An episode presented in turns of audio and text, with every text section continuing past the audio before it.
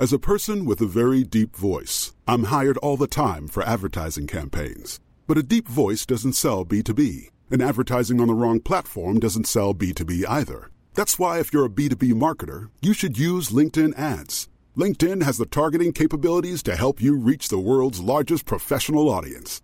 That's right, over 70 million decision makers all in one place. All the big wigs, then medium wigs, also small wigs who are on the path to becoming big wigs. Okay, that's enough about wigs. LinkedIn ads allows you to focus on getting your B2B message to the right people. So, does that mean you should use ads on LinkedIn instead of hiring me, the man with the deepest voice in the world?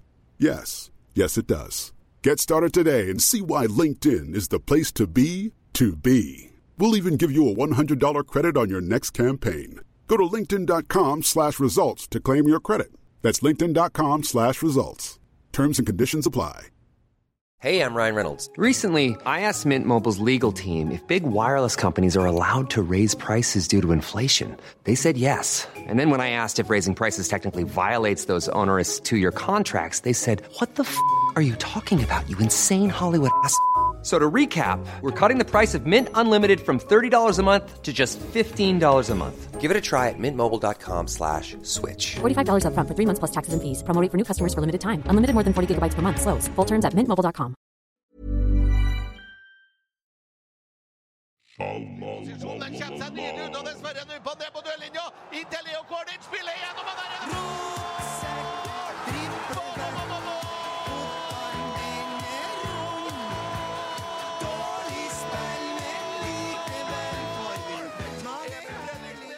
Der er Alexander opp med telefon og tar en liten selfie. Velkommen til en uh, ny episode av eh, Rotsekk, og da valgkomité, valgkamp, årsmøte, nyinnstilt ny innstilt styrespesial.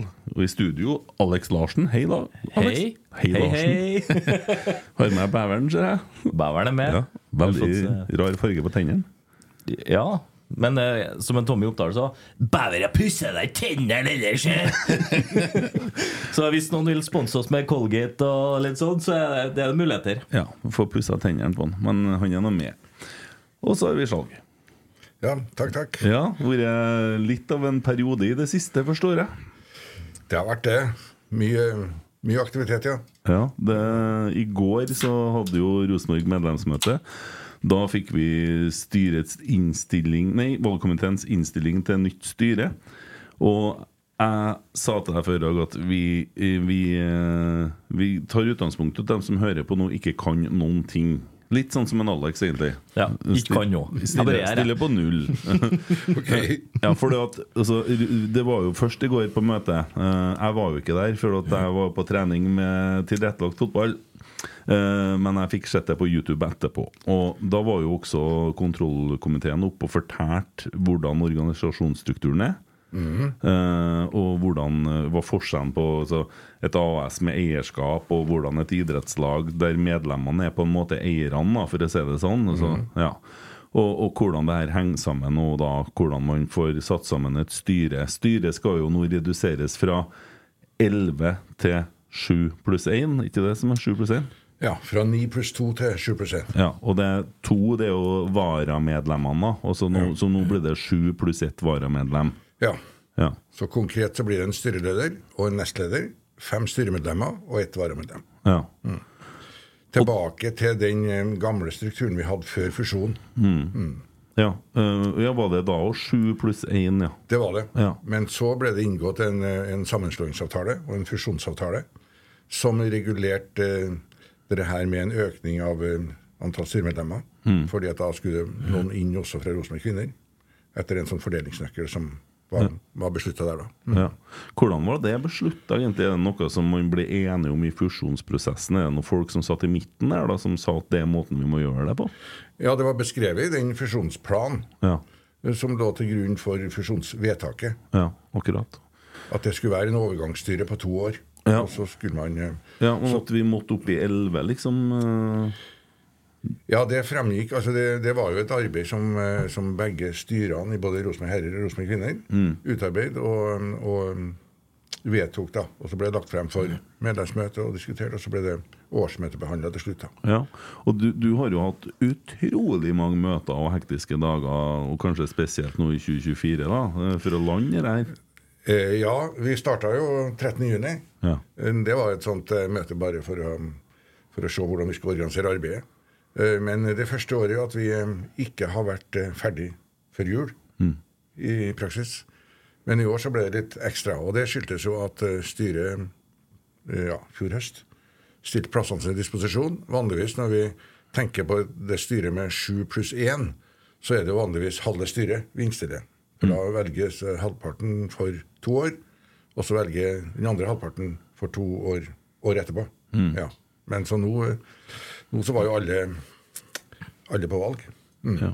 Så det var litt spesielt. Og, og, og, og, det- her er jo snakk om en ekstremt stor bedrift. Det er jo 300 millioner kroner nesten eh, som eh, var i omløp her i fjor, da.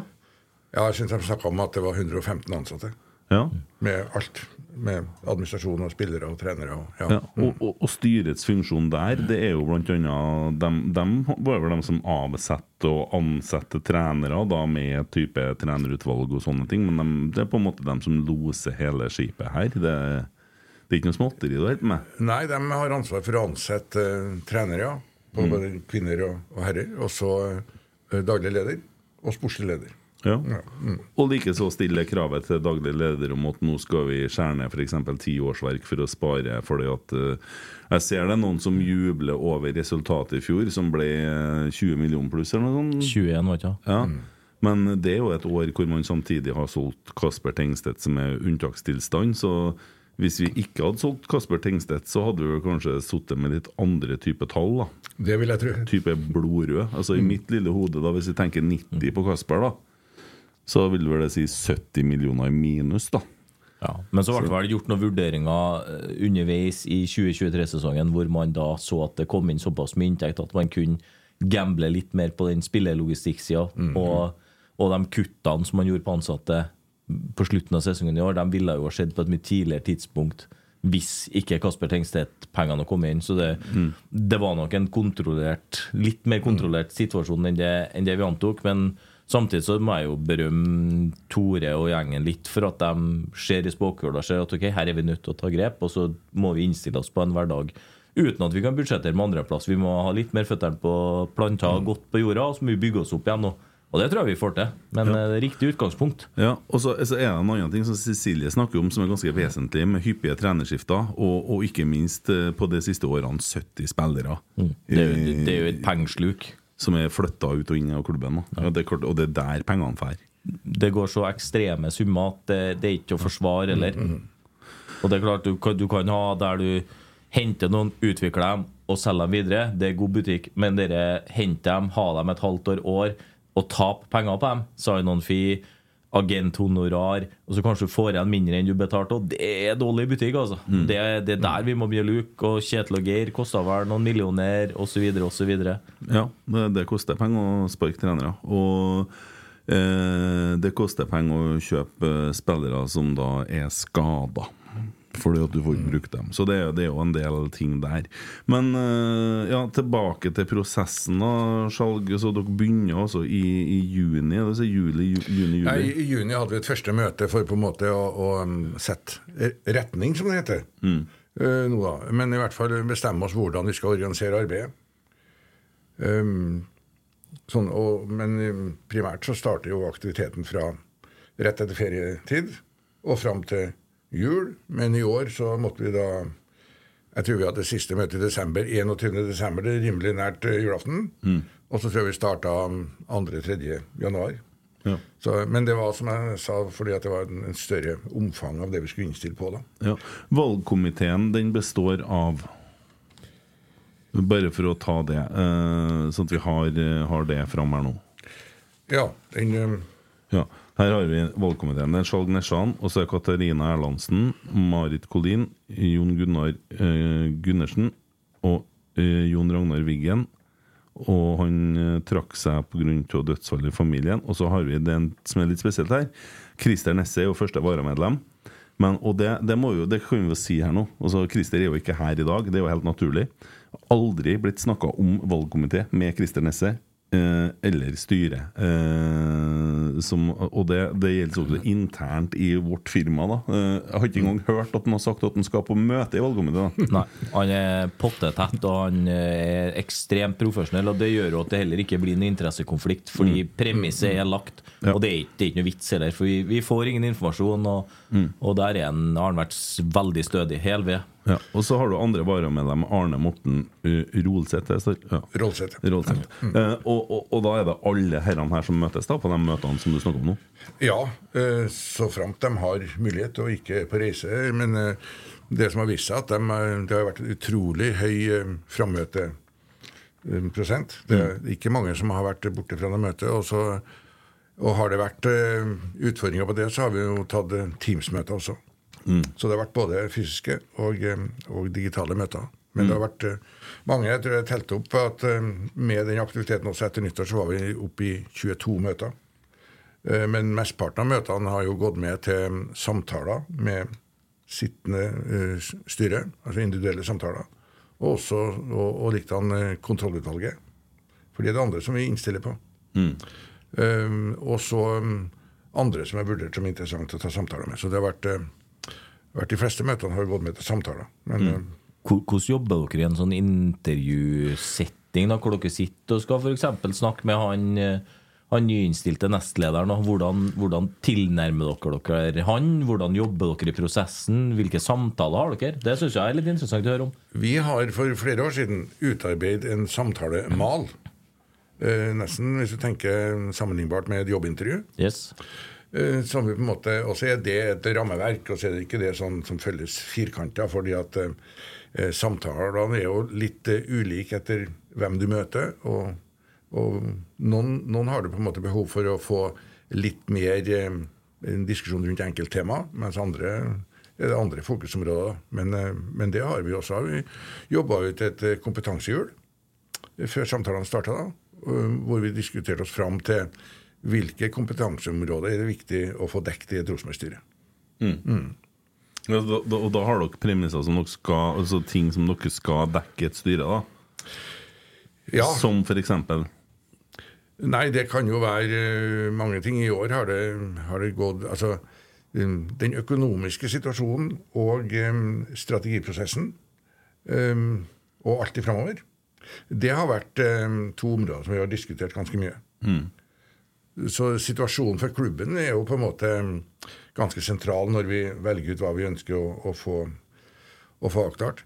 Ellers er det jo um, rundt eh, altså kompetanseområder som skal dekkes. Det er jo en sånn litt utfordring. Det er jo ikke sikkert at du eh, altså Ofte så må kanskje ett styremedlem dekke to områder osv. Mm. Eh, for du får ikke det der til å Det er jo flere ofte kompetanseområder enn hva det er styremedlemmer. Mm. men, eh, men vi gjør en sånn gjennomgang hva vi, hva vi trenger, da. Og det kan være på, på økonomiforståelse, det kan være på kommunikasjon, media, omdømme, sånne type ting. Um, det kan være på ledelse, endringsledelse. Vi er jo midt oppi det. Så det er sånne type um, områder som vi ser på. ja. Ja, altså Forselius, da. Hva vil du si er en av hovedargumentene for å velge inn en, et ukjent blad, hvis du ser det fra utsida i et Rosenborg-miljø? Men når jeg hører folk på innsida si at han har vært ihuga i mange år og fulgt med tett, og er det da hans evne til å skape nettverk og kunne tilbringe potensielle partnere, eller er at han skal utvikle forretningsforståelsen i Rosenborg ballklubb, eller hva er liksom hovedmisjonen med den, den type mann inn i et styre? da? Ja, du berører noen viktige punkt her, da. Um, det, um, han har et veldig stort nettverk. Um, han, har, eh, han har vært medlem i ganske mange år. eh, På, som et ordinært medlem som går på kamper, som går på møter når han, kan. Og så har han et voldsomt engasjement. Veldig lyst til å bidra, veldig lyst til å få til ting. Veldig lyst til å han blir, han blir motivert av at det er en klubb som trenger hjelp. Som nå eh, prestasjonsmessig, på herresida i hvert fall, eh, ligger lenger ned enn både vi ønsker og vi, vi bør være på. Så han, han blir veldig motivert av det. Og han har et langsiktig perspektiv. Eh, sånn at hvis eh, årsmøtet både nå og i framtida ønsker hans bidrag, så, så går ikke han inn i et verv nå tydeligvis med et kort perspektiv, men et lengre perspektiv for å få til ting. Og Det er jo, det er jo en ting vi har spurt til resultat, men så har du jo på en måte resultat på partnersida f.eks. Der forsvinner jo Obos. Uh, Trønder Energi forsvant i fjor. Det er jo to ganske store, tunge aktører som er ikke lenger eh, på drakten vår. da. Uh, ene var på shortsen og andre nå på drakten. Uh, så det, det her, her er jo en jobb som må gjøres der man må ut og hente nye sånn samarbeidspartnere. Og det er jo ganske tunge uh, investeringer som da eventuelt skal foretas. Uh, ja, det er vel òg lagt til grunn at man jobber med sånne ting? Ja, du vet, Vi har leita litt etter sånn såkalte døråpnere til næringslivet. Mm. Uh, her, her, det med å innhente selve avtalene og inngå dem, det er det jo administrasjon og, mm. og, markedsavdeling, og nå er jo mye av det ansvaret lagt under daglig leder også, mm. uh, som er utførere. da. Men det som vi har sett på, om det da finnes noen døråpnere som har et uh, stort nettverk, og som kan tipse om at her er det muligheter. Mm. Ja. ja. det blir veldig spennende å se. Uh, og Stian Morsund er jo òg en av dem som uh, ikke fortsetter i Rosenborg. Uh, lystig kar som tok supporterne med storm, og som laga litt gjøgling og litt dikt. Og samtidig så har jeg vært så heldig å vært på noen møter med Stian underveis. utrolig flink herremann. og, og det vil si at det jeg vil tro det detter i fanget på en Tore Berdal, mye av det jobben. Og så er det jo en som sitter under som var under Stian som sikkert holder på med de tingene der. Mm, mm. Vi fikk jo se det nye organisasjonskartet på møtet i går, da. Så, men det er litt av en jobb som skal gjøres i administrasjonen, ja. Herre min hatt. Ja, det er det. Ja. Og, og, de har skåret ned i antall også nå, så til, mm. uh, Men de er offensive, syns jeg. De, uh, ja. Uh, ja, skal vi, skal vi, gå over til det innstilte styret, da? Uh, ja. Du, ja, kan jo... ja, du kan si at Først har jeg jo lyst til å si det at um, um, det var jo et stort styre nå. Og um, noe har nå dekka ut i media også av det her. Men det var jo en del styremedlemmer som har takka nei til gjenvalg. Ja, men dekka så mye at de har vært ute og fortalt at de ikke At de har gir seg, ja? Noen har gjort det, ja. ja. Men i hvert fall de som har takka nei til gjenvalg via samtale med oss, det er nestleder Ørjan Engen. Det er styremedlemmene Svein Tore Samdal, Ole Jørstad og Karen Espelund. Og varamedlem Frank Norvik. Mm. Så de um, sa fra tidlig i, um, i fjor høst da, om at de da av ulike årsaker uh, takka nei til gjenvalg. da. Mm. Um, så, og så har jo vi starta med den prosessen som vi har gjennomført. da. Ja, for dere står jo overfor en litt annen, annen situasjon, dere òg. For at vanligvis, som du sier, så er det tre stykker ett et år og fire stykker neste år som skal på en mm, mm. måte da, da snakkes om. Eh, nå det, blir det plutselig hele styret stilt plassen til disposisjon, og ganske mange da velger å fratre sin post der. Og det, det, blir jo litt annerledes jobb, så jeg skjønner det blir mer møtevirksomhet, ja. Ja da, og, og valgkomiteen har jobba veldig grundig mm. og strukturert. Og det ønsker vi å gjøre fordi vi ønsker å ta vare på det tillitsvotumet vi får fra årsmøtet, og gjøre en, en, skikkelig god jobb i respekt for medlemmene. Mm. Mm. Ja, og så lander dere det etter hvert med masse intervjurunder og samtaler og sånn. Litt, så er det sånn at du, når, når, du det, det, det, kommer inn et forslag, da Vi tar nestlederen nå, som mm. snakker om han, mm. Eh, Alex her så, så, så, får man et innspill på det fra noen? Det får vi. Fra, fra, ganske mange. Ja. Um, deler av klubben. Ja. Og da er det en av dere som tar opp telefonen og sier Ja, det er min jobb, da. Ja. Da, um, da, sjekker jeg ut om Eller tar kontakt og, og informerer at nå er du foreslått til en eller annen posisjon i styret. Mm. Og er du interessert i å ha en samtale, så vi på en måte kartlegger litt, litt rundt det. Og noen er jo, er jo klar på at dette her um, de har en veldig travel jobb, mye reisetid, har ikke mulighet til å ta på seg en så omfattende jobb og på en måte svare ganske, ganske på sparket. Mens andre ønsker å um, møte oss og få høre hva dere her består i. Og, um, og, så går jo prosessen videre, da. Mm. Så vi, um, i år har vi vurdert uh, ganske mange. Vi har hatt ganske mange samtaler med, med, med, ja, som har blitt foreslått. da. Og, og, noen har jo på en måte takka nei når de på en måte ser hvor omfattende det er, eller hvor, um, uh, ja, Årets styre har jo hatt en høy aktivitet med mange styremøter. Mange tunge saker. Hvor, hvor er høy aktivitet? Hvor mange møter i året er det uh, på et styre? Uh, Nei, jeg kan tenke meg at i år, så når jeg nevnte at valgkomiteen hadde 22 møter, så kan jeg godt tenke meg at eh, styret ligger ikke langt bak det. Nei. Eh, Men det er jo eh, det er vel å håpe på at man kanskje får redusert det noe. Men det, det mm, preger nå sikkert aktiviteten eh, hvor tung sakene er. Altså, De brukte sikkert mye tid på, på det med avvikling av trenere. Det med mm, strategiprosessen, for der har de jo involvert mange grupperinger mm. i klubben. Og, og det har vel vært kanskje to av dem som har, har satt en preg på antall møter. da. Men, men samtidig så Min første tanke når du sier det antallet der, salg, er jo at eh, da er det jo en klubb som har vært litt i villrede. At man er avhengig av å ha så mye styremøter og så mye møteaktivitet. Det er jo unormal høy aktivitet, og det, det tyder jo på at 2023 også var et turbulent Rosenborg-år. Og vi må jo krysse fingrene for at vi klarer å holde ned på et normalt styremøtenivå på en åtte-ti møter i 2024. Ja, i, sånn som jeg ser det, så, så tror jeg det at nå har du satt en, eh, en retning, du har satt en strategi. Du, eh, hvis vi hørte hva styrelederen sa i går, så, så eh, ønsker man nå også ha tålmodighet i nye trenere som er ansatt. Det er at man skal komme til en situasjon hvor selv da når du eh, finner det fornuftig å skifte trenere, at du ikke da skifter fem-seks spillere også samtidig.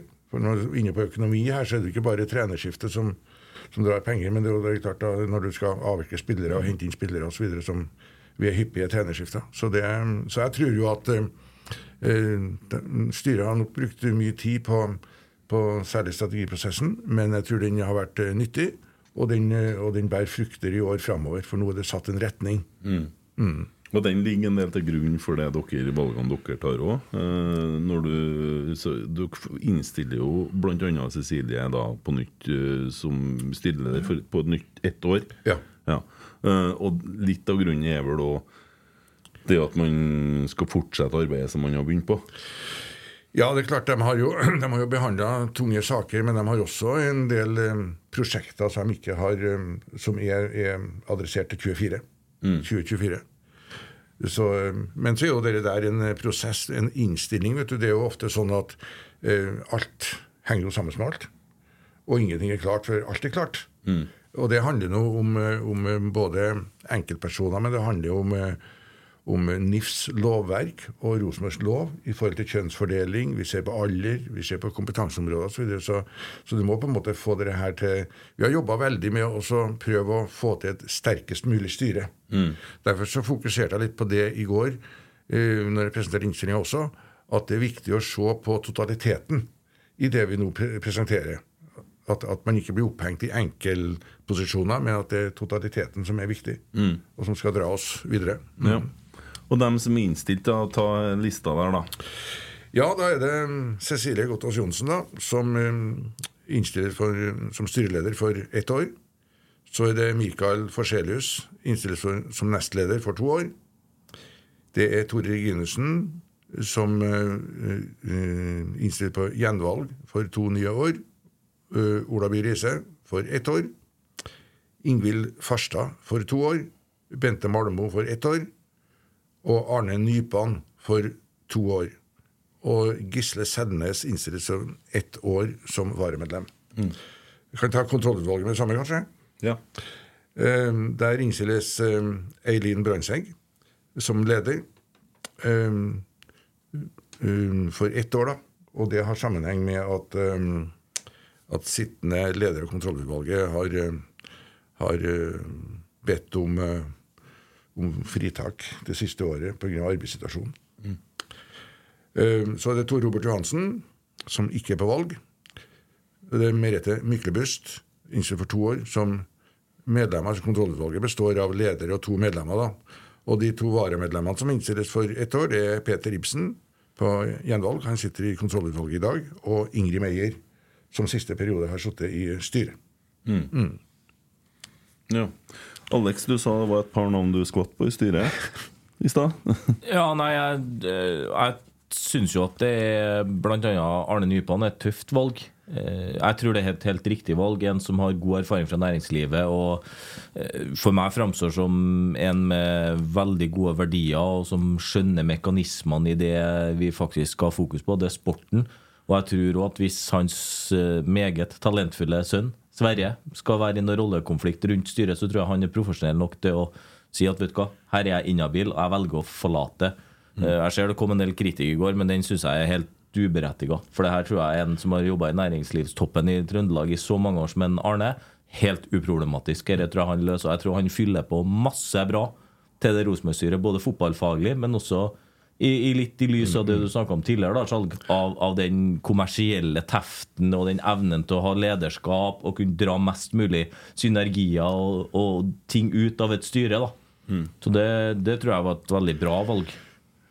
Det jo, eh, han har jo eh, latt seg intervjue eh, i Adresseavisen blant annet. Og, og har jo beskrevet den, den mulige rollekonflikten. Han var jo den som dro opp den, den saken i vår samtale med han. Var veldig ryddig.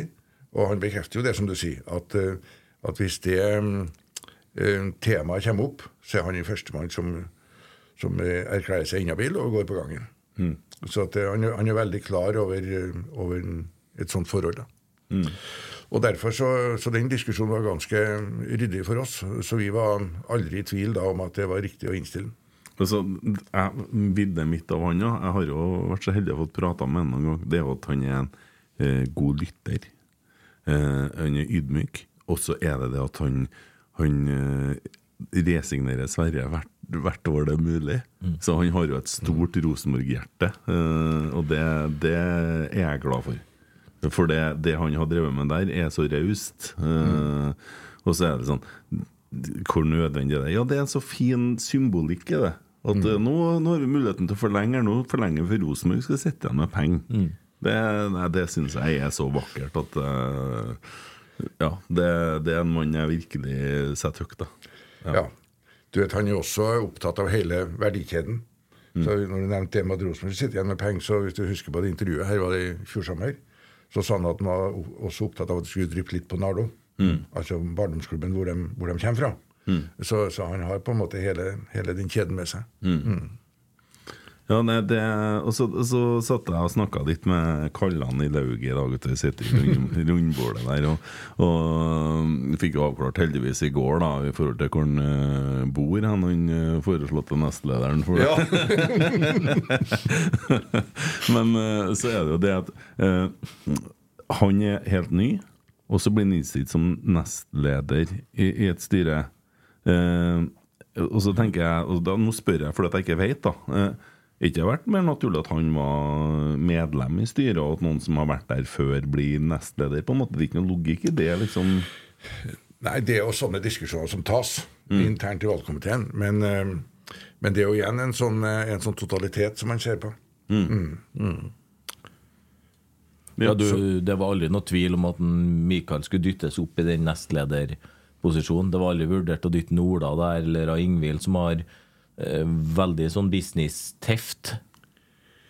Det var i hvert fall det her som valgkomiteen landa på, men det er klart at det er mange, mange innspill og mange mm, måter å vekte ulike ting på før man lander innstillinga. Mm. men i hvert fall så var det her, og det er en samla valgkomité som eh, stiller bak det her. Mm. Litt interessant når du mm, poengterte at det var vanskelig å få noe ut av Christer, deres eh, kollega her. Ja, vi har aldri prøvd å få noe ut av ham. Men han er poenget er at, eh, at vi har altså taushetsplikt. Ja. Rosenborg har da utarbeidet en taushetserklæring som vi må lese gjennom, signere, og der forplikter vi oss til at det som blir, eller som diskuteres i valgkomiteen, det blir der. Og det har faktisk vært veldig nyttig, fordi at eh, det oppdager jo eh, dem vi snakker med. Eh, og når vi sier at dette blir innenfor dette rom, så åpner de seg veldig. Også om ting som de ikke nødvendigvis var opplagt de skulle informere oss om, men vi får mye kunnskap. Så det er veldig nyttig. Men, eh, så der er vi mm, underlagt eh, taushetsplikt, og det lever vi veldig godt med. Så får vi også leve med at eh, media er litt nysgjerrig.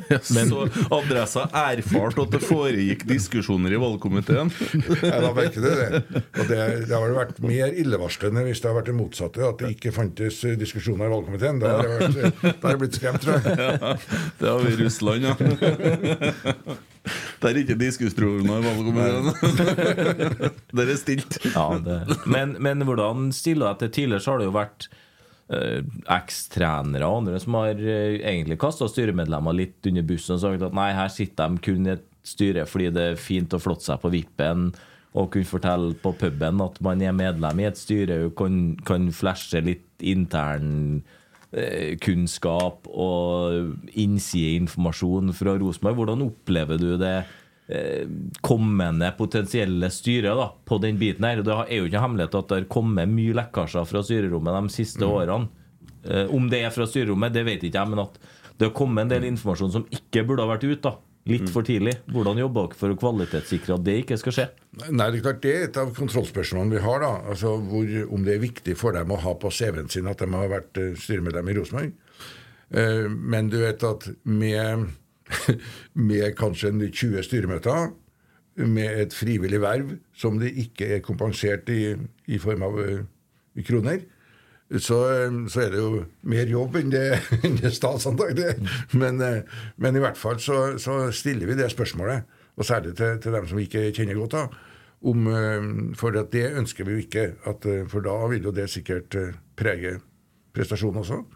Eh, Men du vet, så er det jo sånn at eh, du får nå sikkert de svarene som, eh, som samtaleobjektet syns er fornuftig å gi. Men, eh, men vi, vi prøver å sjekke ut det òg. Mm.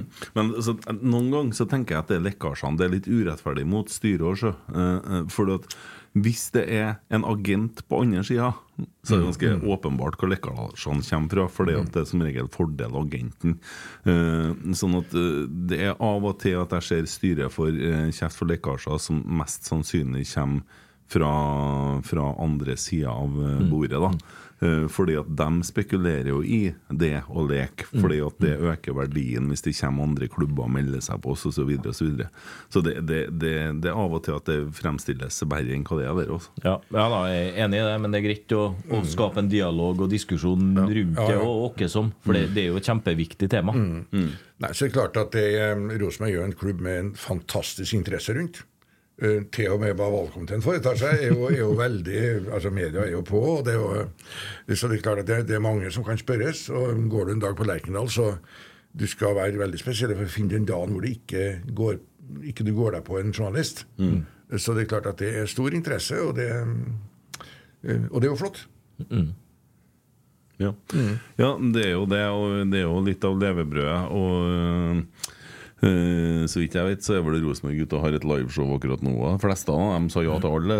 Alle fikk komme, øh, både inn på, i salen og opp på salen. Uh, liveshowet vårt, Alex, det ble utsolgt, gitt. Ja, ble det. Gikk fort, det. Tok Jeg rakk, ikke, jeg rakk ikke å kjøpe meg billett. jeg. Gjorde ikke det, nei? Nei, jeg gjorde ikke Nei, øh, men øh, Har du det- kjøpt deg salg? For da må jeg få bli med deg. Nei, jeg, jeg har ikke gjort det. Nei, men du skal få komme som trollet, du. Ja. Jeg trenger ikke å klemme det. da.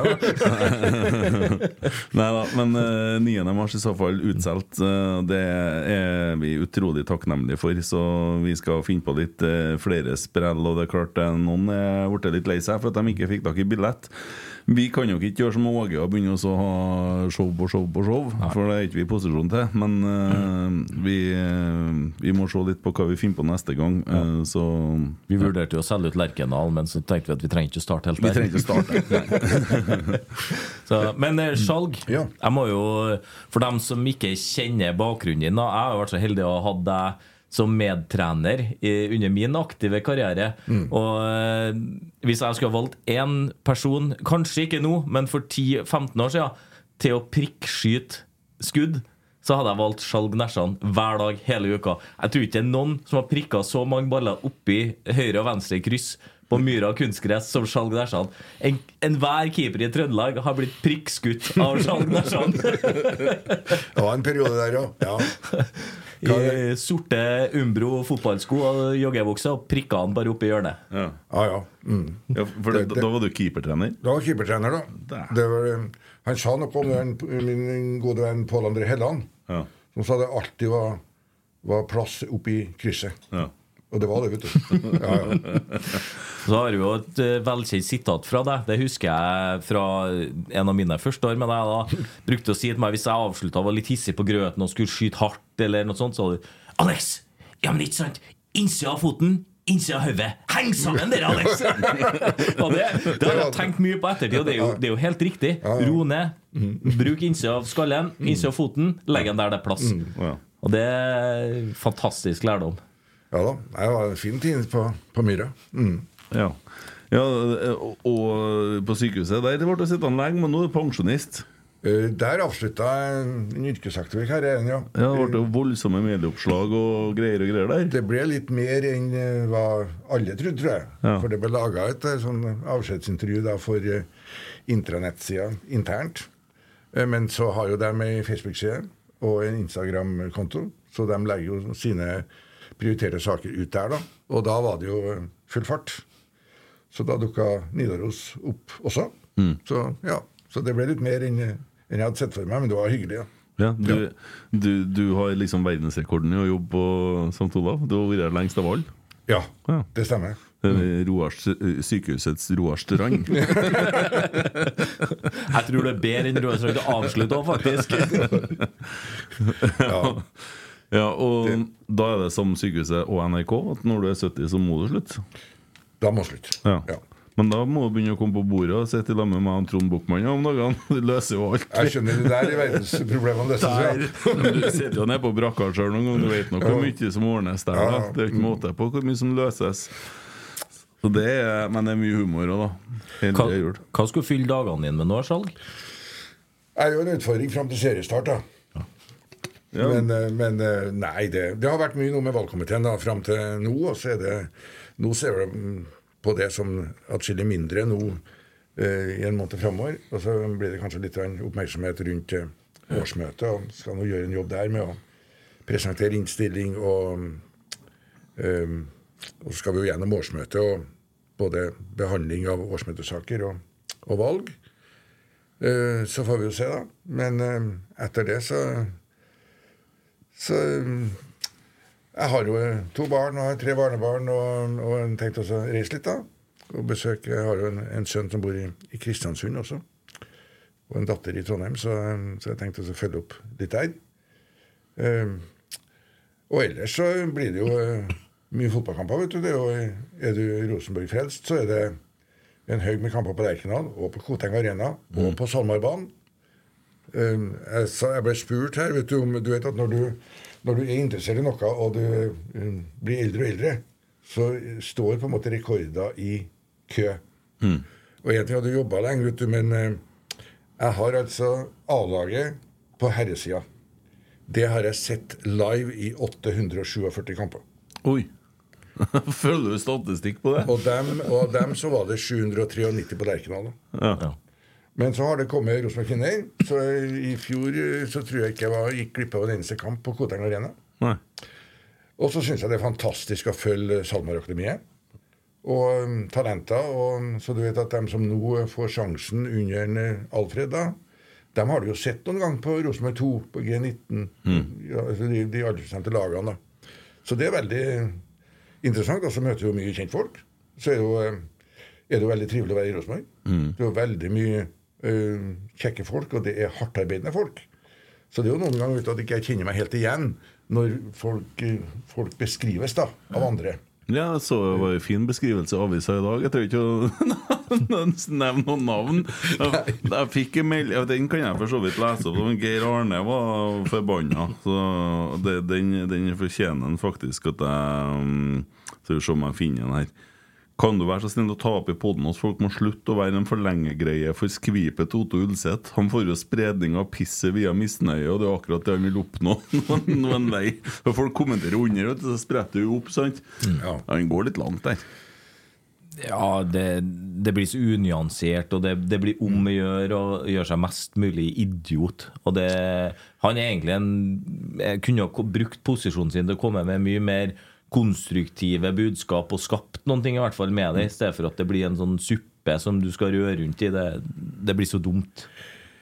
Ja, jeg savner jo eh, den konstruktive eh, vurderinga, fordi at eh, jeg er nå relativt tett på både klubb og, og sentrale folk, både i administrasjon og i styret. Og man kan jo mene forskjellig om folk, men det som jeg ser, det er veldig hardtarbeidende folk som gjør så godt de kan hver dag. Uh, og det er ingen som har sagt at nå vil vi gjøre Rosenborg dårligere. Nei. Så, så det, det er jo hele, hele spekteret. Det er jo flotte folk. Og så noen ganger er det jo, så går det i bølgedaler her. Det har vi opplevd før. Um, sånn at det, det er jo ikke noe dramatikk i det, men nå må det jo bygges opp. Og da tenker jeg at både spillere, trenere, eh, administrativ ledelse, styre trenger backing for støtte for de prosessene som er planlagt, og som skal settes i gang, og dem som har vært gjort. Og så får vi jo se på hvordan det, det bare går i dag. Men, eh, men jeg tror at nå eh, Og vi trenger å samle klubb. Ryan Reynolds here from Mint Mobile. With the price of just about everything going inflation, we thought we'd bring our prices down. So to help us, we brought in a reverse auctioneer, which is apparently a thing. Mint Mobile unlimited premium wireless. Ready to get 30, 30, bit to get 30, bit to get 20, 20, 20, bit to get 20, 20, bit to get 15, 15, 15, 15 just 15 bucks a month. So, Give it a try at mintmobile.com slash switch. $45 upfront for three months plus taxes and fees. Promo rate for new customers for limited time. Unlimited more than 40 gigabytes per month. Slows. Full terms at mintmobile.com. Verdens enkleste øvelse er å kritisere. Superenkelt. Og se hva som er gjort feil, og, og telle opp etterpå. Vi må heller prøve å se hva skal vi gjøre for å komme tilbake.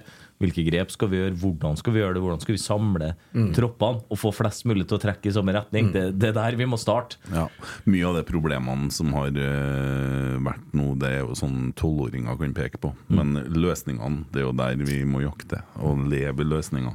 Så må vi jo stole på at en Skjalg og gjengen har gjort én del av jobben for at vi skal finne løsningene. Og så må vi stole på at de som er ansatt på brakka, og dem som skal ha på seg drakten i år, at de er en del av løsninga. Jeg, jeg tror vi får se en stor del av løsninga. Vi har begynt å få sett litt av den. For, og han heter Alfred og Jordi og Alexander Tetti. Og det arbeidet som ble lagt ned Eh, der man nå bestemte seg for at nå skal vi faen meg gjøre en ordentlig jobb, unnskyld språket. Eh, og vi skal, som jeg, sa i går, Cecilie, det er ikke navn nødvendigvis, men kvalifikasjoner. Og hva vi trenger, og hva klubben har behov for, hva vi ønsker å oppnå etter den planen som er lagt. Så finner man Alfred og co. Og du ser måten det blir jobba på nå. Du snakker om en del RBK2-navn. Vi så Rosenborg mot Levanger på, på søndagen, var det det? Eh, og der var det mange RBK2-navn. Eh, Du, du mente Ranheim? Ja. Unnskyld, sa jeg hva jeg sa? Levanger. Levanger, ja. Det var i fjor, det. Eh, eh, og, og, og, ser det vi ser uh, med det de klarer å prestere uh, ut ifra det satte systemet som man holder på å jobbe med. Jeg kan ikke skjønne annet enn at dette her er, nå er vi i ferd med å bygge noe som kommer til å fungere meget godt. Otto Ulseth som vi om, han sier at man skal begynne å holde med Bodø-Glimt. Så regner jeg med at han begynner å skrive for Avisa Nordland, så er det eventyret over. For det er der de hører til. Så er den ferdig. Ja.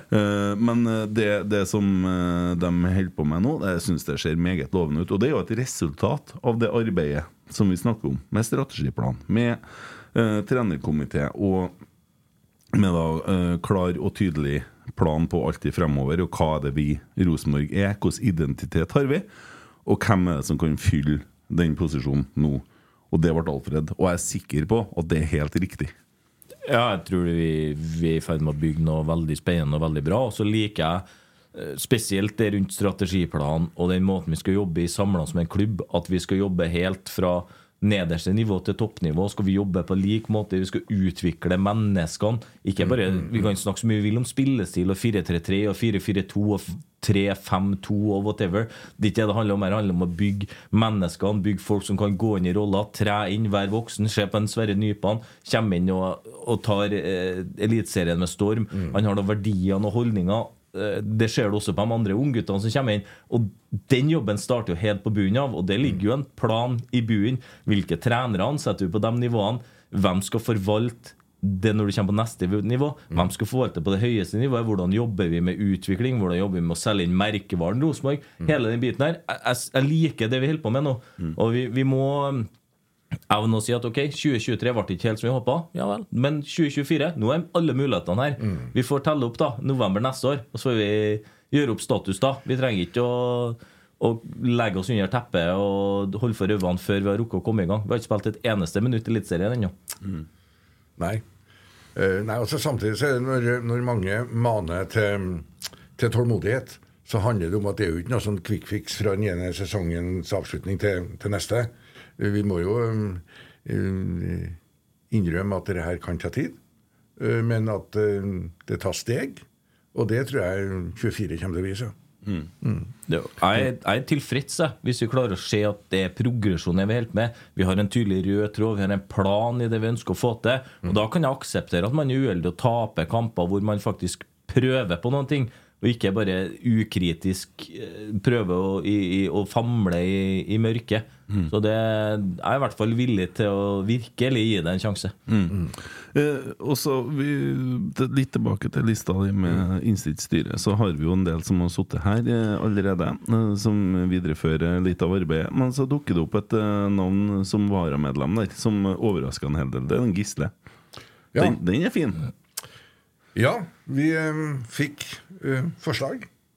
Eh, jeg tok kontakt. Vi var enige om å ha en samtale. Og han ga en veldig solid inntrykk.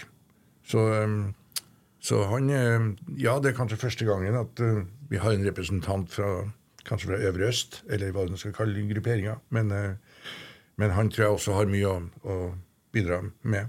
Eh, jeg møtte han faktisk første gang på et medlemsmøte i Veteranlaget, hvor han dro supporterkulturhistorien helt fra Fragleberget omtrent til, og til nå. Det var veldig interessant. Og, så, og så møtte vi ham da i, i valgkomitésammenheng. Så, så han tror jeg også har mye, mye å bidra med på, på den sida der. Jeg var på det samme møtet som deg i Lauget. Jeg er jo i Lauget, Alex. Eh, og synes jo han fremstår som en meget solid person. Jeg må si, jeg har jo holdt på med denne podkasten i noen år, og får av og til tilbakemeldinger eh, på nivå Otto Ulseth, og så får jeg mer konstruktive tilbakemeldinger. Og Gisle er vel den som har gitt meg den desidert mest konstruktive konstruktive tilbakemeldinger noen gang. Eh, Så han eh, fremstår for meg som en meget seriøs og solid herremann eh, som har et stort hjerte for både Øvre Øst, supporterkultur. Og Rosenborg. Og så er han jo rektor og en skikkelig kar. For dem som tenker Øvre Øst og tenker bluss og røyk og tull og fakt. Sånn der Så, mm. det, så her er det sånn, Nå snakker vi om en mann som er hel ved, tror jeg. Ja, og så eh, nå har dere jo eh, Jeg skjønner jo at de nye personene er som fanger oppmerksomheten, men det er klart at vi har jo sett like mye på behovet for kontinuitet som for fornyelse. Det er ofte de to eh, punktene vi, vi vurderer mest i forhold til. Og, og det er klart at nå representerer Cecilie en, en um, kontinuitet, men det gjør også Tore Reginussen og Ola By Riise og Ingvild Farstad. Eh, Sånn at jeg, jeg tror at det er blitt en god miks som kan gjøre at, eh, at både nye og, og folk som har sittet her fra før, kan lære av hverandre og bringe klubben videre. Ja, eh, Artig å se at Ola er med videre og Tore er med videre. Det, det, det er jo rosenborgere, og det er godt å ha skal vi si, gamle spillere inne i styret òg, sånn, som som vet litt hva som foregår i garderobe og sånne ting. Så det, det, det er kult. Veldig bra. Ja, eh, og nå er det jo ikke sånn at det her styret er satt, for vi skal jo komme oss fram til 7. mars, og så skal vi gjennom et årsmøte, og så skal det jo vedtas. Eh, Sånn er det. Ja, og da skal du jo på nytt opp og legge frem innstillinga til valgkomiteen. Ja. Og så vil det jo stemmes. ja. Og, da, og da er det innafor eh, demokratiets uh, rammer. Da er det sånn at uh, det er valgkomiteens innstilling man går til valg på. Og hvis man er fornøyd med den, så, eh, så stemmer man for det. Og vi har jo selvfølgelig oppfordret om å følge de rådene vi har gitt, men vår innstilling er et råd til årsmøtet. Og hvis da mm, folk eh, ønsker at, eh, eh, at det er heller andre som burde ha bekledd noen posisjoner, ja, så kan det foreslås mm. motforslag, og så stemmes det over de alternativene til de ulike posisjonene som foreligger. da. Ja, Det er jo ikke så lenge siden vi opplevde eh, benkeforslag på styreleder, og det ble jo litt rønne, eh, eh, en liten runde ekstra før det før vi ble ferdig. Eh, men det ordna seg jo. Det, det ordner seg jo hver gang. ja, det gjør jo det. Vi skal, vi skal velge et styre.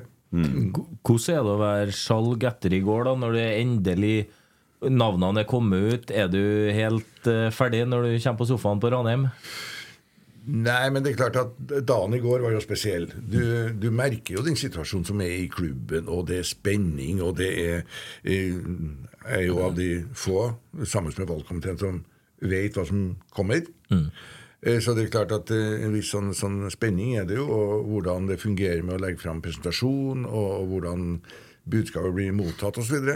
Um, og så er det jo sånn at eh, det har vært eh, en del media de siste to dagene her, da.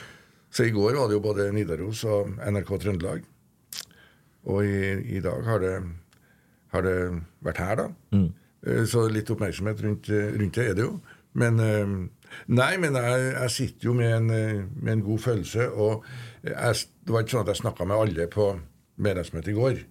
Men av alle dem som kontakta meg, så var det både klapp på skuldra, og de syntes vi har laga et spennende forslag til styret. Eh, og det har faktisk fortsatt i dag også. At det har vært eh, gode tilbakemeldinger både fra si, folk jeg kjenner, men også fra folk som har måttet presentere seg og sagt hvem de var. Så de synes at, eh, Og noen poengterer at de er imponert over prosessen. Altså hvor grundig vi har jobba, mens andre er på en måte mer på eh, honnør for sammensatt styre- og kontrollutvalg. Da. Så, så dagen i dag, nei, den har vært, eh, vært fin, den. Og det Jeg har stort sett fine dager i Rosenborg, ja, da. Ja, det har kommet inn en, eh, noen spørsmål på Twitter. Først en kommentar Den Emil Almås fra Jonas Aagaard kan avkrefte en uttalelse om Almås kom i siste podden om at kampen mot Ålesund muligens spilles i Lierne. Banemannskapet har gjort om stadion til skiløyp. Så lenge ingen av lagene stiller med langrennsski på banen, så må kampen spilles en annen plass, dessverre. Takker jo for den infoen. Veldig matnyttig å få Det den servert før man tar eh, tre-fire timer kjøretur oppover. Så det, Det ville ha vært veldig dumt Ja. å komme til Lierne, men den eh, går altså på Koteng Arena klokka tolv på fredagen. Mm. Så da har vi fått eh, klarhet i det. Tor Georg han er veldig flink til å sende spørsmål. Hvor perfekt er RBK-styret? Tenker da sammensetning, kjønn, alder, kompetanse osv. Hva burde, kunne eventuelt vært annerledes? Da tenker han vel på sittende styre, kanskje? da Det må jo være det. ja, for det styret som jeg nå snakka om, det, det er ikke valgt ennå. Nei.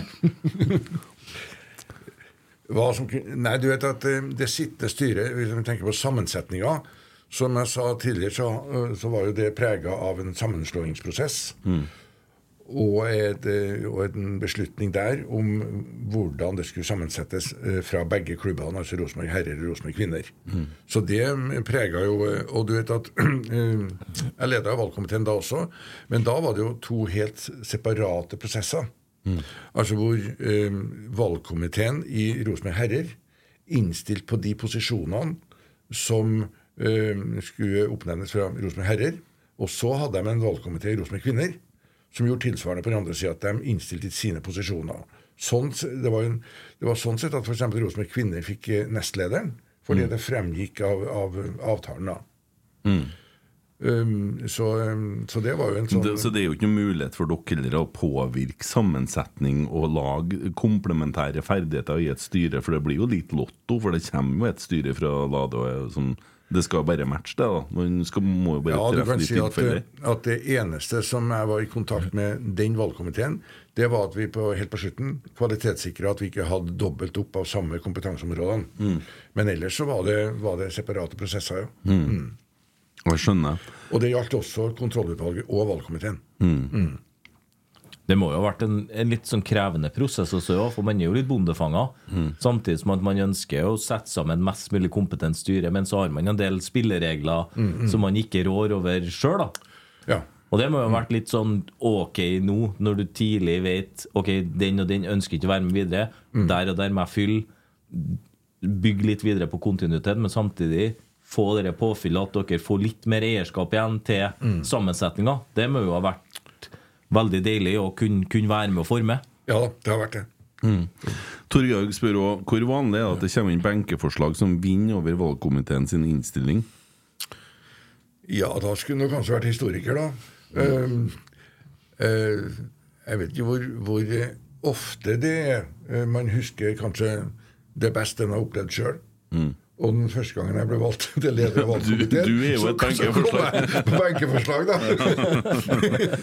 Ja, du sitter jo her som et benkeforslag. Ja, hva, ble det, da. Så at, Men eh, Nei, det har nå sikkert eh, forekommet. Men eh, jeg hører jo at tilbakemeldingene er jo sånn at eh, eh, at for, for flere så nevner de jo det at når det er valgt en valgkomité, og de har jobba grundig med det her, så stoler de på at, eh, at man har funnet det som kan være riktig sammensetning da, i de ulike organene her. da. Mm. Jeg husker jo Christer og han et benkeforslag, tro? Jeg lurer på det. Eh, og, og, og diskusjonen eh, og, og følelsene som kommer da, det, det var Jo, for da ble det Husker jeg har hørt ordet 'Han er en skikkelig rosenborger'. Og så ble jo spørsmålet hva er en skikkelig rosenborger? Altså, hva, er defini hva definerer det? så det, Men da var det for da, Men det ble nå greit. eh, Men jeg mener at en Christer ble benka inn. Altså. Det kan godt hende. Jo, jeg tror det var Jørn Ødegaard som var forslaget. Ja, du vet at, eh, at eh, Vår oppgave er jo også å lage en innstilling for styre- og kontrollutvalg. Men det er jo heldigvis ikke sånn da at valgkomiteen innstiller seg sjøl. Så der er det altså styret som lager et forslag til hvem som skal sitte i valgkomiteen. Det som vi leverer til styreleder hvert år, det er hvem i valgkomiteen som ønsker å fortsette, og hvem som ønsker å fratre. Så Den oversikten får dem. Og så er det styret da som utarbeider den innstillinga til ny valgkomité. Da. Var du klar over, når du, skulle, når du ble benkeforslag, var du klar over det? Hadde du fått en heads up? Uh, nei, altså, jeg var klar over at jeg var, jeg var spilt inn eh, som en kandidat til å være medlem i valgkomiteen. Det var jeg klar over. Uh, men at jeg skulle være kandidat til, styre, nei, til, til leder av valgkomiteen, nei, det kom under midt under en pause, tror jeg, i, i årsmøtet, hvor det var en som, eh, som eh, kom til meg og spurte om jeg kunne tenke meg det, og da ble jeg litt sånn eh, sånn paff, fordi at det hadde ikke jeg sett for meg. Og, og jeg hadde, jeg hadde sett for meg Jeg hadde lyst til å gå inn i valgkomiteen og gjøre en jobb. Altså Fire år før jeg ble valgt, vet du, så satt jeg jo som leder av valgkomiteen i Veteranløyet. Sånn at, og jeg har nå kanskje hatt en tendens til i ulike sammenhenger å, å havne i valgkomité. Eh, Men, eh, så det var forberedt på at jeg kanskje kunne ha mulighet til å bli valgt der, da. Men, eh, men å, å bli foreslått som leder var overraskende, ja. Eh, apropos det, så var det vet du, det årsmøtet ganske historisk, for jeg er i hvert fall den eneste lederen i valgkomiteen som er valgt fem over halv ett om natta. Ja. det, var, det, det stemmer nok. Så det var det berømte årsmøtet som da Tok litt tid. tok litt tid, ja. Ja. Uh, Torgeir spør òg uh, T-skjalg hvem i Rotsekk egner seg best i rollen som styreleder i RBK? Jeg må jo innrømme at vi har ikke fått så mange forslag Nei. på disse folkene. da. Han Christer har kanskje ville ha foreslått seg sjøl. Det, det kan jo være noen eh, skjulte talenter, uten at man har fått greie på det. ja. Nei, men vi, vi behandler jo seriøst alle forslag som kommer inn. Altså det, det, noen er jo sånn veldig begrunnet hvor de har snakka med personen sjøl osv., mens andre spiller inn bare navn, og så må vi sjekke ut det. da. Ja. Så um, Hvem, hvem i Rotsekk tror du har, har vært mest sannsynlig blitt spilt inn som styreleder? da? Nei, jeg, jeg tror ikke jeg skal skape en sånn konkurransesituasjon. Det, det, det er jo sikkert eh, Nei, jeg, jeg tror jo vi har landa på, på det beste alternativet. da. Jeg tror han sitter i valgkomiteen sammen med deg. Han som har hatt størst sjanse for å Nei, Kanskje Emil Eide, faktisk. Emil Eide er rå, mye mer imponerende enn folk tror i sånn type settinger. Fantastisk hode på han. Ja. Og evnen til å gripe rommet og skape liksom, et godt samarbeidsklima. Ta ansvar, sørge for at man følger agenda. Det er en helt rå. Ja. Altså, og du var jo, med på det møtet vi hadde med Nidaros, der han tar bare styringa. Ja. Men vi, har jo, altså, vi er jo et AS, vi òg. Vi har jo styremøter noen ganger. Dæven, det er ikke noe, det er ikke noe slingrevalsen da når vi setter i gang. nei, da. Så, men med glimt i øyet.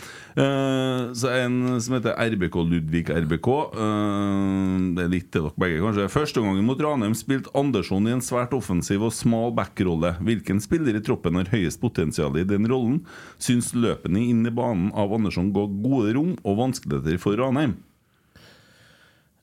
Ja, jeg er jo ikke helt uenig. Samtidig så syns jeg at den Adam varierer for mye når han tør å gå, når han står. Han, han er ikke sånn som man husker Mikael Lustig, da, som ikke hadde noe håndbrekk, ikke hadde noe brems. Han ga gass hver eneste gang. Skapte to mot én-situasjoner. Gjorde at som wing og midtbanespiller så er det så ekstremt vanskelig å forholde seg til det. Mm. Han nøler aldri. Du vet at her er han nødt til å følge løpet, hvis ikke så blir det to mot én. Og det gjør jo at vingen blir så lav i banen at han er egentlig ikke noe trussel hvis du får brudd høyt i banen mot deg, fordi han har like langt å springe framover som du har å springe hjemover. Eh, han tør ikke å haike, Fordi da blir det kjørt overganger og kontringer. Og der, som en Adam ofte da eh, velger å holde igjen litt før han tar løpet, gjør at vingen ser at mm, her er muligheter til at jeg kan skape en del uro. Det er litt sammen en, eh, med en Adrian at han, han går ofte altfor tidlig igjen. Så det blir så mye rom at man jukser litt. Da. Så du, flytter du bare løperen litt lenger ut og stenger av det rommet. Og da har egentlig én mann tatt ut to spillere, og så har vi blottlagt oss helt. Og stopperne er ikke flinke nok til å skyve og tette rommene, så avstandene blir for lang, og da, da får ikke dere dere til å fungere da, optimalt. Backene er nødt til å bare gi gass. Ok, Du ser at motsatt back henger. Gi gass. Du er nødt til å bare slippe opp, og så må treeren som blir igjen, må flytte over, så ikke du får det trekkspillet, men at du flytter over. Har korte nok avstander til å klare å sørge for at du har mer enn god nok dekning til å kunne lese rom. Og da, da er det egentlig ikke noe farlig å tørre å slippe fri en, en back. Du har jo også en sittende i Ole som er god til å ligge og balansere og hele tida lese klimaet i spillet. Så, så der mener jeg jo at han har en, en stor jobb å gå. Både Leo, Adrian, Adam. Det, det å bare tørre å sette fart, tørre å angripe. Og det er jo et signal at Ving må bevege seg inn. Indreløper kan ta et, et bueløp for å skape seg sjøl vinkel til å motta ball rettvendt. Og da har vi plutselig to og tre på ei side som klarer å sette fart. Jonas Svensson, Paul, Mike Jensen. Kjempeeksempel på når dette fungerer. Jonas Svensson ga bare gass han med en gang vi hadde ball. Så ga han gass. Han venta ikke og så om når hvis, kanskje. Gi gass. Og det må vi gjøre mer av. For når han først gjør det, så ser vi at vi evner å plage Ranheim. Det blir ekkelt for Ranheim. Og Venås, som er ving, da, tør ikke å ligge så høyt som han burde ha gjort, fordi at han er redd for at han er skyldig hvis han ikke følger mannen sin. Må bevisst trekke seg 10-15 meter lenger bak i banen. Avstand til vårt mål blir lenger, mindre farlig hvis vi mister ball. Det er jo sånn vi må jobbe, og det syns jeg vi ser mer og mer av. At det er sånn vi jobber. Indreløperne er ofte rettvendt. Sentral brukes mye mer som ballfordeler. Forvent spillet. Og hvis vi har offensive backer da, som har tjuvstarta, så får vi mye oftere den type situasjoner. Og vi tvinger motstanderne til å hensynta oss, i stedet for at vi må hensynta motstanderne. Hvis det ga noe mening. Der, der fikk vi dagens uh, backleksjon. Det var en god, eh, god leksjon der, ja. Ja. ja. Og derfor er den med i rotsekk. Ok. det, det, jeg sitter og ser, du. Du får bestått på den, ja. Ja, Takk, takk, takk. takk. Ja. Keepertreneren sender jeg videre. Du skal til Oslo. Møte med Adrian i stad på sirkus. Og jeg så på han. Ikke snakk til meg. ikke snakk til meg Han syntes det var litt kleint, for han kom gående alene. Jeg begynte å prate. Kjipt det med Morten, da!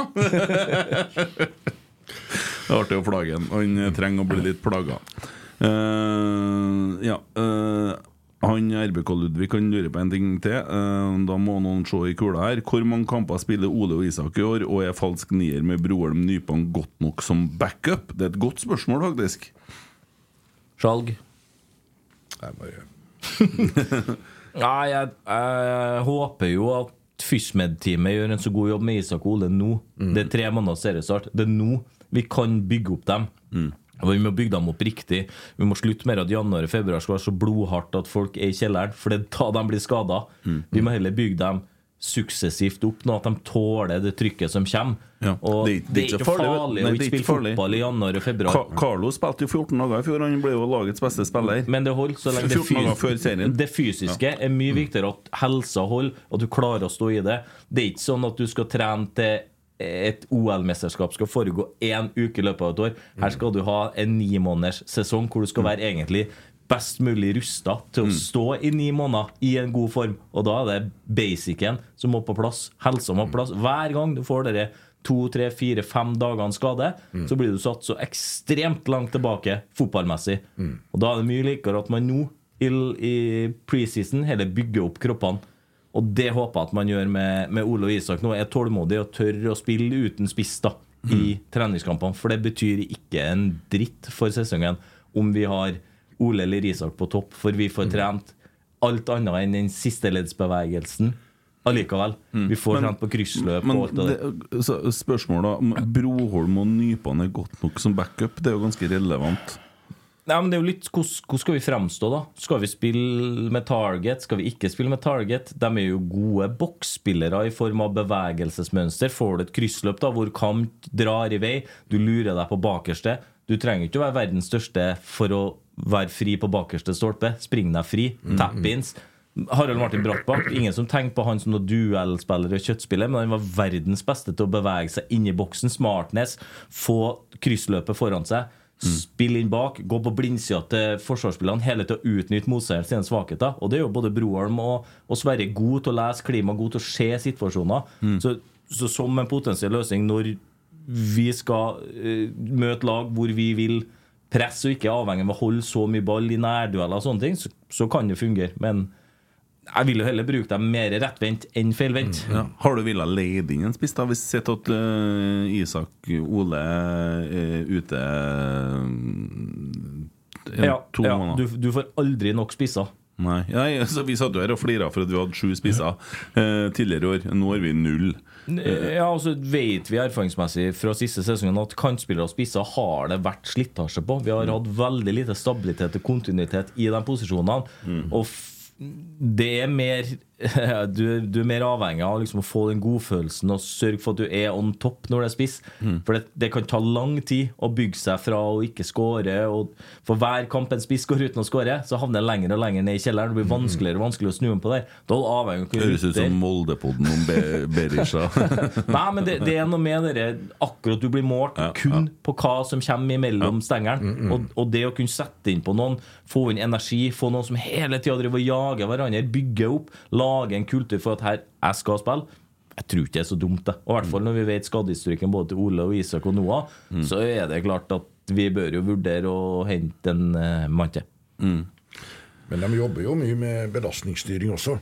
Altså i forhold til mm, særlig treningskampene, hvor, eh, hvor de kanskje lar spillere hvile som kanskje i en annen setting kunne ha spilt. Altså hvis det var en seriekamp eller det var en eh, Så det er tydeligvis at det, det jobber så mye, mye med det.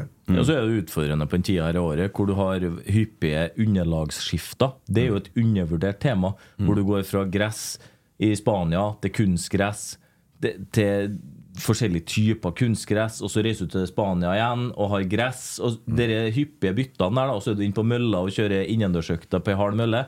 Det er ikke noe bra for kroppen, det heller. Så det, det hele tida du balanserer på knivseggen, og der håper jeg at det gjøres en skikkelig jobb i år. For historikken med skader de siste fem årene har jo ikke vært noe spesielt pen, dessverre. Nei.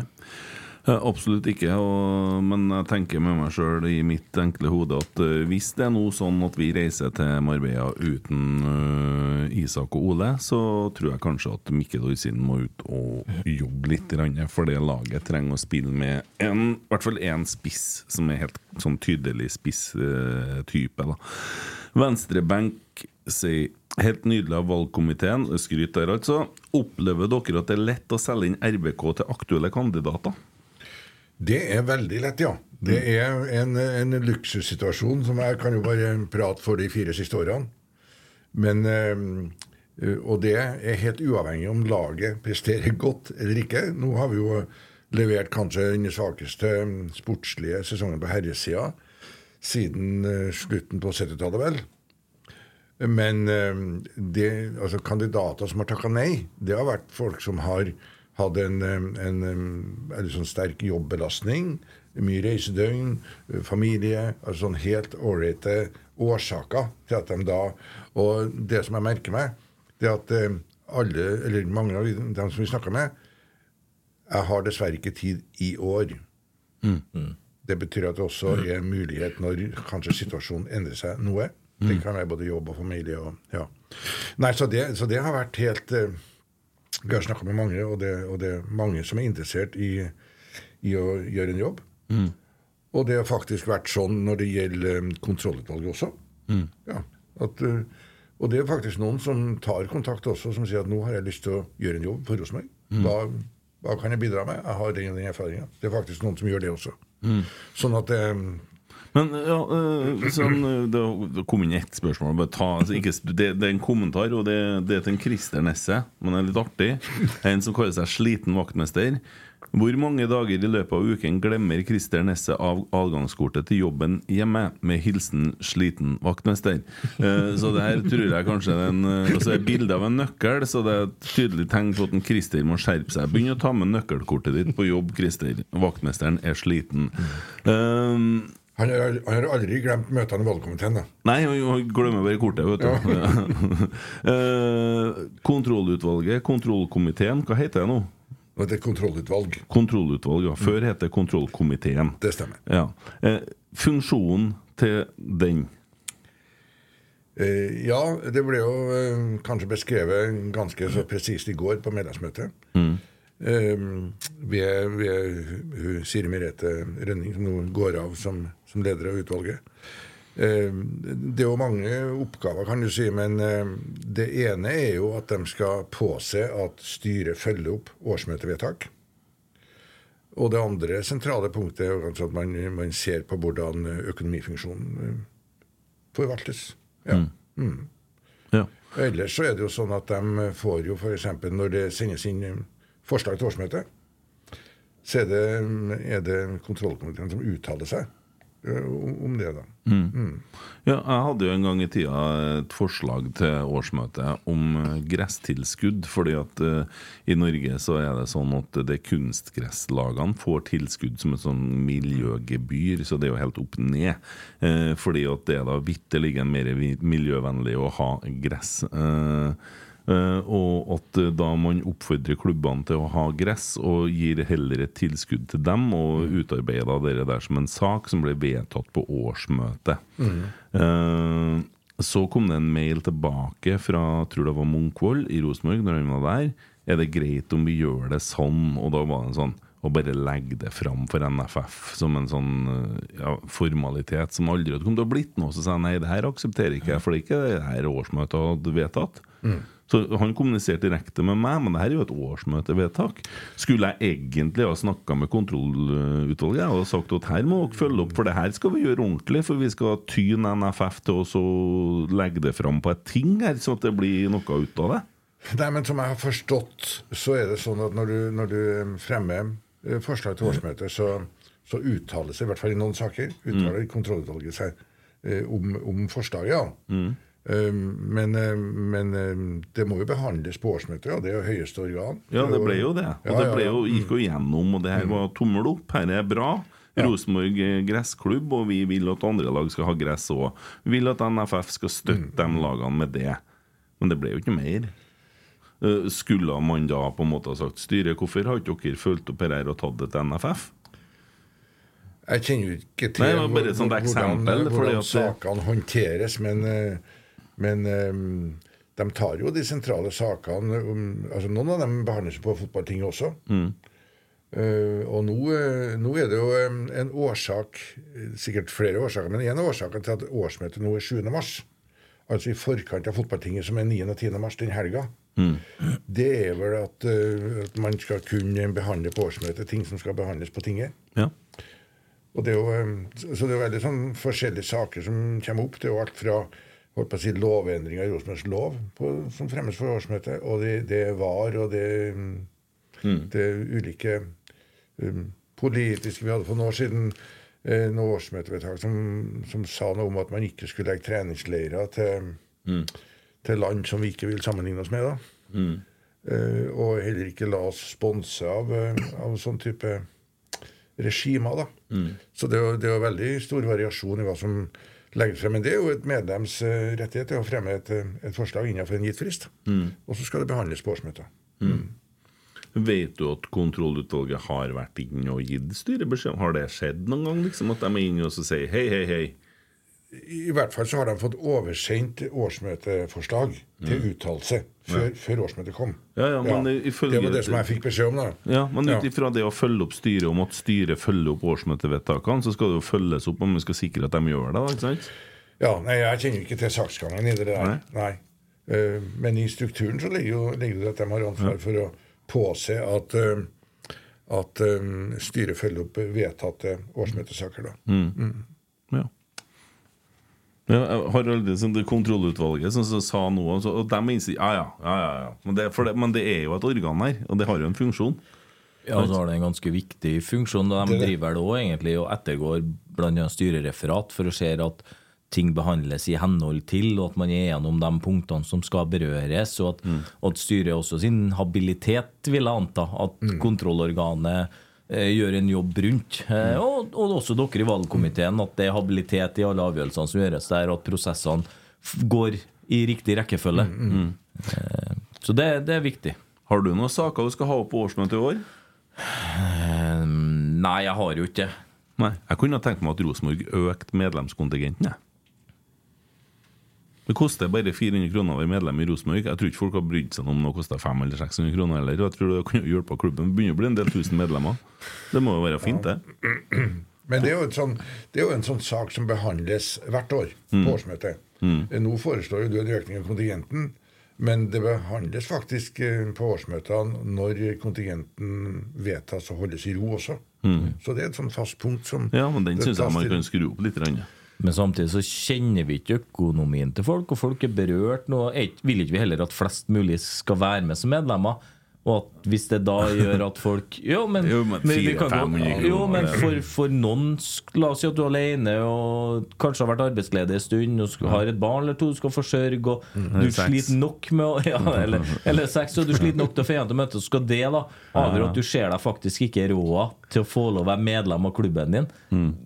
Det blir litt feil, det òg. Så jeg syns det er greit. Jeg holder, det ikke der vi skal tjene pengene. Ta heller å selge lodd da på medlemsmøtet og ta 200 kroner da for, for å få inn de ekstra kronene. For jeg, jeg vil heller at muligheten for å være medlem Inngangsbilletten for å være medlem i verdens beste klubb Den skal være så lav at alle skal ha muligheten til å få lov å være medlem. Og så må heller det bidraget du snakker om, da det må heller kunne gjøres på en annen måte enn at det skal eventuelt ekskludere noen fra å kunne være med. Kanskje det skulle vært sånn eh, 400 kroner eller det du føler. Ja, men det Du har jo kontonummeret, du kan Ja. jo føre over mer. jo, men at du har gjort en sånn greie Ja, men det må jo være en greie. Sånn, ikke Ja, ja. Jeg, lille meg kan ikke gjøre noe. Men en Ivar, du. Ja. Ja, hva er det dere mangler, da? Nei, men, men det, er jo, det er jo et innspill. At man kunne ha sagt at ok, satsen er 400, men du kan selv velge da om du vil spytte inn 500-600. Det kan du huke av. Når du, når du logger inn, så kan du endre for hvert år inn på medlemsprofilen din på Rosenborg at i år vil jeg bidra med 1000 kroner. Pengeboka mi sier at i år bidrar Kent Aune med 1000 kroner i medlemskontingent. Og Skjalg Nesjan bidrar med 10 000. Ja. Alex Larsen 400. Du vet, Vi hadde jo faktisk en tilsvarende situasjon under pandemien, vet du. Ja. Hvor vi eh, hadde kjøpt sesongkort. Ja. Og hvor vi ikke fikk um, vært til stede på veldig mange kamper. Og en stund så var det jo på en måte 200 tilskuere maks, og så var det 600 osv. Og, så og da um, fikk vi jo eh, tilbud om hvorvidt vi ønska å ha tilbake penger for de kampene, for det produktet vi hadde betalt for, men ikke fått. Eller, Mm. eller gi det til klubben. Da. Så um, vi var vel eh, sikkert mange som uh, valgte siste. Og ikke ta ut penger, men vi hadde allerede betalt det. Men eh, så, så sånn type Nei, det er klart det er en sånn diskusjon her om økning av, av kostnader i, i en dyrtid. Det, Du berører jo noen sentrale punkter her. Ja, og så er vi jo veldig vi, vi snakker jo mye om plusskultur. Alle skal være med. Vi ønsker at flest mulig skal Ja seg. ja da, ja da, ja da. Det var nå bare jeg som var litt romantisk. eh, Greit nå. Rett skal være rett, Jeg skjønner. som en, en ja. god mann bruker å si. Ja. Sånn er det når du slipper på en krone. Ja. jo da, men eh, Nei, det var bare en idé. Men eh, nei, årsmøtet 7. mars eh, får vi jo se om eh, det blir vedtatt, det en skjalg har, eh, som man legger fram igjen da, da for årsmøtet. Det blir spennende. Eh, har vi vært gjennom alle papirene, skjalg? Det tror jeg jo vi har eh, diskutert det, ja. Er det den best forberedte rotsekkgjesten noensinne? Det er sånn hver gang. uh, og så Av respekt for ja. dem som inviterer, vet du, så må en være forberedt. Ja. Så Nei, så tenker jeg at det er, jo, det er jo Vi har jo en del lyttere, og det er greit for dem å på en måte få litt innsikt i hvordan det jobbes. Og det, er det, det, er jo ikke, det er jo ikke tull, det her. Det er jo ganske alvorlige ting. Og det er et stort firma uh, man snakker om. Og ja, hva skal jeg si, si det er jo trønd, identiteten til Trøndelag. Det er jo Ja. Rosenborg. Nidarosdomen, Åge Aleksandersen. Og Munkholmen. Ja, Munkholmen har vi. Mm. Kristiansand festning. Ja. Domkirka, som er så gammel. ja, så det, det, er, det er klart det er, det er alvorlige ting. Og det er kamp da mot Ålesund klokka tolv på fredag. For meg og Skjalg som er pensjonister, så passer det veldig fint. Det, det ble ikke på Lierne? Nei, ikke på Lierne. Det passer oss bra. Det, det har jeg oppdaga. At fordelen med da å være ut av det yrkesaktive arbeidslivet, det at treningskamper på ugunstige tidspunkt, som de var til og med i fjor, de er helt ok. Ja, tolv på fredag er helt ok. Ja, det, det er helt nydelig, for da er fortsatt helga igjen. Ja, det- ja. Så blir det vel så de reiser til Marbella, guttene. eh, Og da er det kamp uka etter mot uh, Brann. Det er òg fredag, men den er klokka fem. Tror jeg. Kan være seks-fem. Jeg mener det er fem. Eh, så får vi se da om vi kommenterer og litt sånn fra studio her. Eh, men eh, nei da. først Ålesund. Spennende å se hvilke spillere vi stiller med da. Og det trenes vel i Abrahallen for tida, for det er såpass kaldt ut, så nå er det Abrahallen som gjelder igjen. Men jeg tror det bare gjenstår å si tusen takk for stunden her, Skjalg. Vi har kommet oss godt gjennom dette nå. Tusen takk for invitasjonen. Ja. Takk, Skjalg. Og takk til Oskar. Oskar, ja. Eh, og veldig fint det du kjørte på om bekker og sånn. Jeg blir litt klokere for hver gang du prater. Ja, det, det er bare hyggelig, det. Kommer faktura i posten, ikke så- Ja, ja. Da lurer jeg på hvor du skal inn igjen. Den, den fakturaen legger jeg sammen med mannene, så får han bli med i ukens trekning. yes. Nei, men gutta, vi snakkes, da. Husk på det en Skjalg alltid bruker å si innsida hodet, innsida foten. Ja.